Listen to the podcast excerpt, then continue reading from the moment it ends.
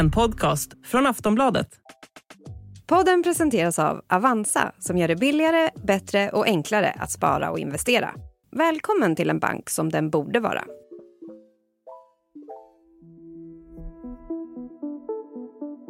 Vi har lagt en pandemi bakom oss men traumat över hur den lamslog världen är långt ifrån bortglömt. Särskilt eftersom coronaviruset fortsätter att skörda offer och påverka vården, så även här i Sverige, trots tillgången på vaccin.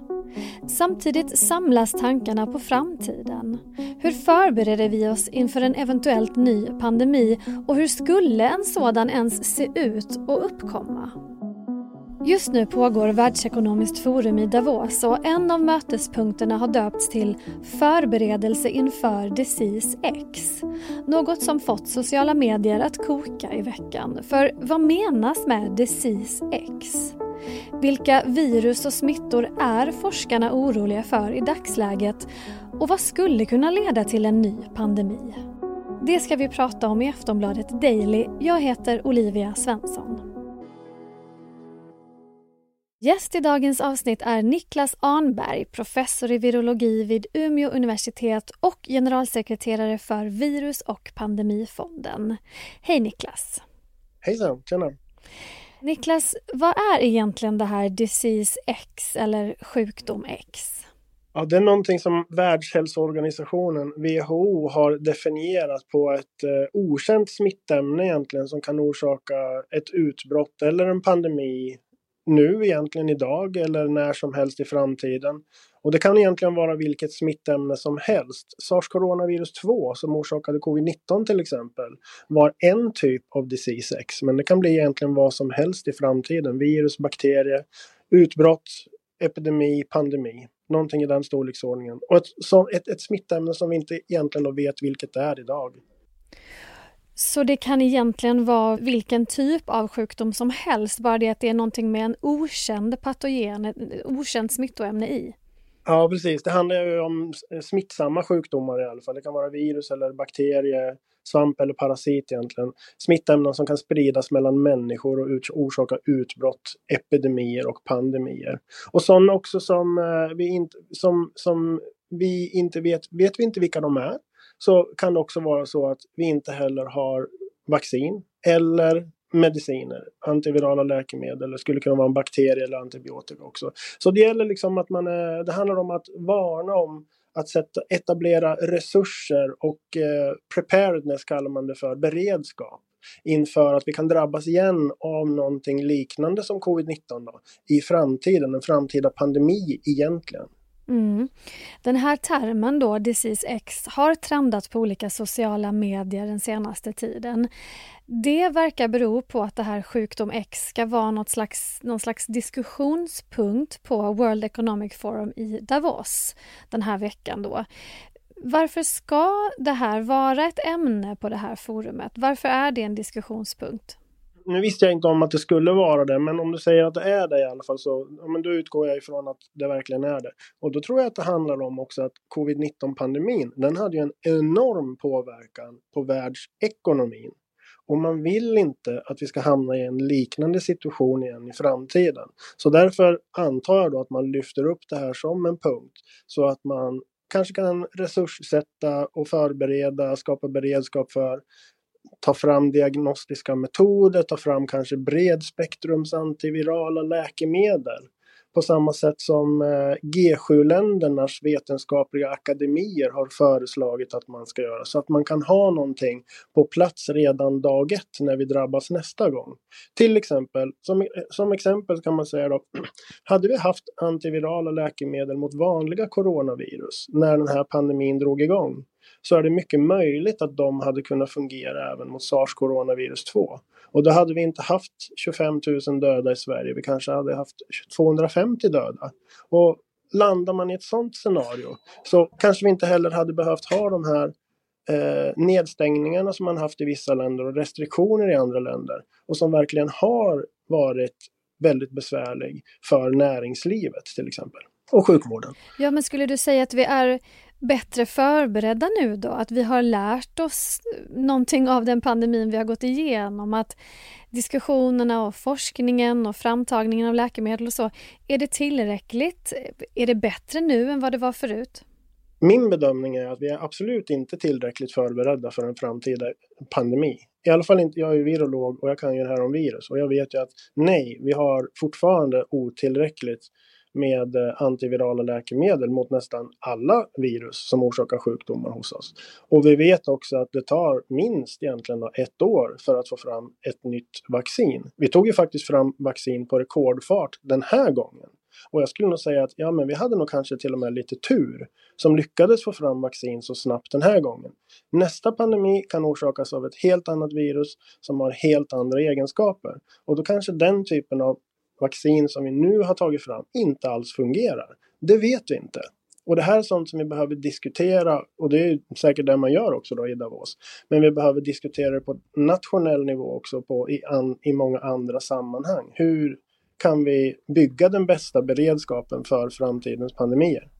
Men om man inte vet så mycket om det som ska komma, om man utgår från en sjukdom X då som man inte känner till hur den kommer att uppkomma överhuvudtaget eller kanske vad den kommer få för konsekvenser. Vad gör man då för typ av scenarier och hur jobbar man då till exempel inom WHO eller till exempel inom forskningsvärlden? Ja, ett sätt som WHO jobbar på det här, det handlar ju om liksom att prioritera resurser. Och de har ju tagit fram en så kallad blueprint där man säger att det här är de smittämnen som eh, man kallar det för WHOs eh, priority pathogens kan man säga, prioriterade smittämnen som man ska forska extra mycket på för att man ska kunna få fram antivirala läkemedel, för att få fram vacciner och få fram diagnostik så man kan upptäcka dem också i god tid.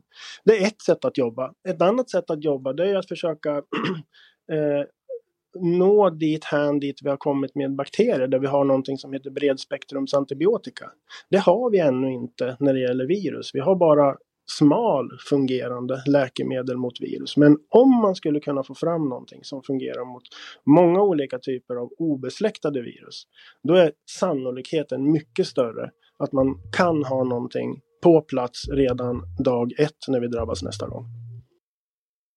Vi ska snart prata mer med Niklas Arnberg om de olika virushoten, men först en kort paus.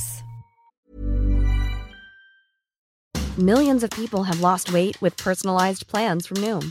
Like Evan, who can't stand salads and still lost 50 pounds. Salads generally for most people are the easy button, right? For me, that wasn't an option. I never really was a salad guy. That's just not who I am. But Noom worked for me. Get your personalized plan today at noom.com. Real noom user compensated to provide their story. In four weeks, the typical noom user can expect to lose one to two pounds per week. Individual results may vary.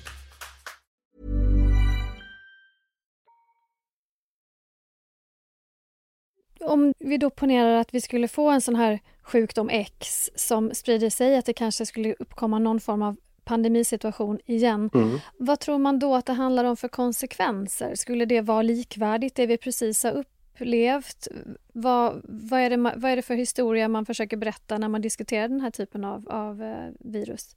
Ja, vi är nog ganska många som är övertygade om att nästa, vi, vi, har ingen aning om hur nästa pandemi kan komma att se ut. Det kan bli någonting som är förhållandevis milt, så som det blev med svininfluensan för ungefär tio år sedan.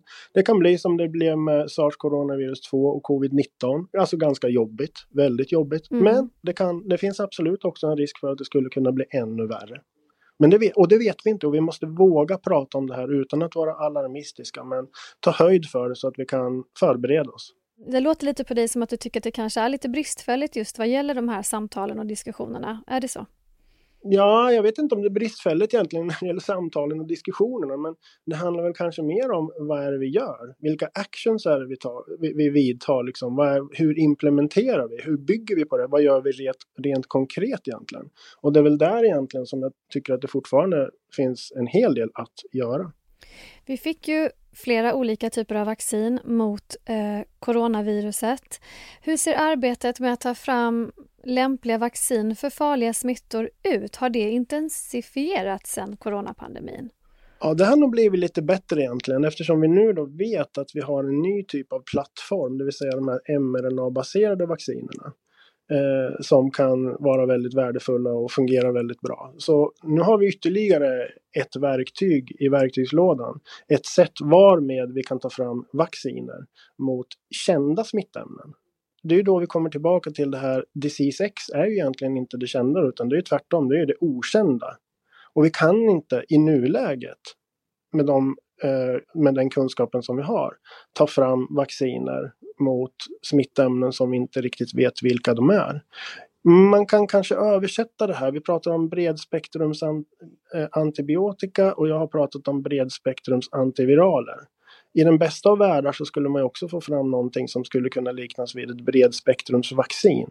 Men där är vi som man liksom vaccinerar i förväg mot framtida smittämnen. Men där är vi verkligen inte riktigt idag och forskningen har absolut inte kommit så långt. Så jag landar nog ändå i att det som ligger närmast till hands att fokusera på just nu, det är ju att försöka få fram fler antivirala läkemedel mot kända smittämnen. Får vi det så kommer vi med stor sannolikhet ha mycket bättre beredskap när vi drabbas av nästa pandemi. För det är inte säkert att vaccin är det som kommer hjälpa oss då. Jag kan säga att vi kommer behöva både och. Vaccin kommer också att behöva vara det som hjälper oss ur en pandemi på lång sikt. Men på kort sikt, i början av en pandemi, så kommer vi in, kan, sannolikt inte att ha vaccin tillgängligt utan det är då vi kommer behöva ha antivirala läkemedel. Och vad tror du behövs mest för att kunna säkerställa att vi har i alla fall förberett oss? Är det ekonomi, är det pengar eller är det kunskap, är det intresse, är det politik som ligger bakom? Det är mycket resurser det handlar om. Det går, det, det, går inte att sticka under stol med den saken utan där ser man hur en del andra länder har satsat väldigt mycket. Man har, I USA har man satsningar som man kallar för så kallade moonshots där man verkligen resurssätter eh, Eh, till ett visst forskningsområde för att utveckla antivirala. Som man gjorde till exempel under eh, HIV och aids-pandemin för ungefär 40 år sedan när man förstod vad det handlade om. Då satsade man enormt mycket resurser på att få fram verktyg mot HIV och aids. Och 40 år senare nu så vet vi att ja, men det som har funkat där, det är ju faktiskt forskning som har gett oss sjukvården antivirala läkemedel. Efter 40 år så har vi fortfarande ingen vaccin mot HIV. Så det är ett exempel där man, och nu covid-19 pandemin det är ett annat exempel som säger att ja men här behövde vi vaccin. Men vi behöver verkligen både och, och det behövs absolut resurser. Jag såg att eh, du har kallat WHOs lista på de värsta virusen för WHOs 10 least wanted, alltså WHOs 10 minst önskade. Då är man ju nyfiken på vilken toppar den här listan skulle du säga? Vilket vore det värsta viruset att eh, hamna i klorna på?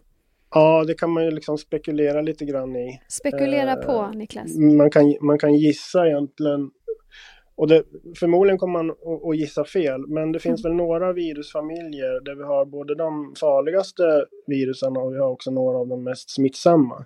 Så det är ett par familjer som vi kallar för pneumovirus och paramyxovirus kan man säga. Och där har vi bland annat Nipa och Hendra som är väldigt dödliga blödarfebervirus. Och där har vi också till exempel mässlingsvirus då, som är ett av de mest, mest smittsamma. Just det. Eh, så där finns det, det är några av oss som tänker jo men det skulle kunna vara något virus som kommer från de familjerna. Det skulle också kunna vara till exempel ett helt nytt poliovirus. Vi har ju vaccin mot poliovirus 1, 2 och 3 idag men om det kommer ett nytt poliovirus typ 4 som befintliga vaccinen inte fungerar mot hur gör vi då? Det skulle inte vara så bra. Det, det, är verkligen någonting som vi inte vill ha. Men återigen, det kan, vara, det kan vara ett nytt coronavirus, det kan vara influensavirus också. Det vet vi inte. Vi har ju kommit ur den här väldigt tuffa pandemin. Eh, dock så fortsätter ju coronaviruset att eh, ja, skörda offer, att ställa till med saker i vården och så vidare. Mm. Vad tycker du att vi har lärt oss av och sedan pandemin? Sjukvården har verkligen lärt sig jättemycket om att hantera covid-19 sjukdomen, i alla fall den akuta sjukdomen i början så hade man ju väldigt lite kunskap. Sen har man ju lärt sig att kortison till exempel fungerar bra, blodförtunnande, kan förhindra proppar. Eh, vi har utvecklat vacciner och det finns faktiskt en del mediciner, som man kan, alltså antivirala läkemedel, även om de inte används i väldigt stor utsträckning. Och de skulle kanske kunna användas i ännu större utsträckning än vad de gör just nu också. Men vad vi fortfarande har otillräckligt med kunskap om, det är ju ut, hur eh, post-covid utvecklas. Va, vilka är det som är i riskgrupper att få postcovid och hur tar vi hand om alla de människorna som drabbas av postcovid? Och jag pratade med en företrädare för Covidföreningen så sent som igår. Som berättade för mig då att, för jag var under intrycket av att ja men de flesta, om inte alla som får postcovid, de blir bättre och bättre och bättre även om det tar lång tid. Men nu fick jag höra därifrån också, nej det är verkligen många som fortfarande efter flera år är lika sjuka. Och några verkar också kunna bli lite värre sjuka i samband med nya infektioner till exempel.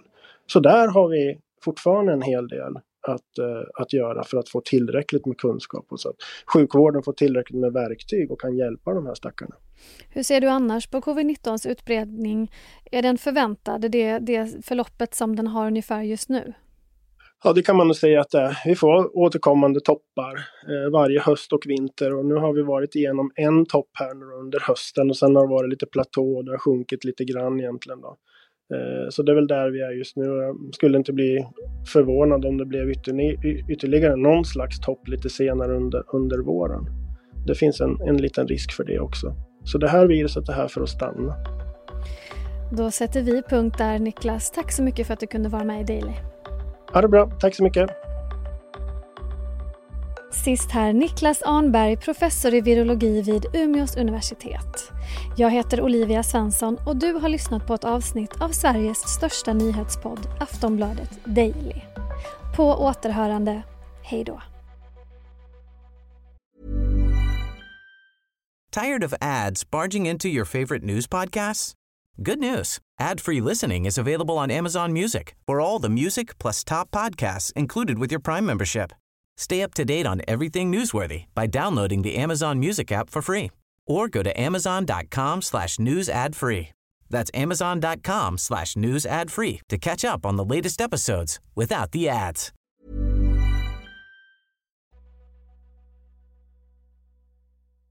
Du har lyssnat på en podcast från Aftonbladet. Ansvarig utgivare är Lena K Samuelsson.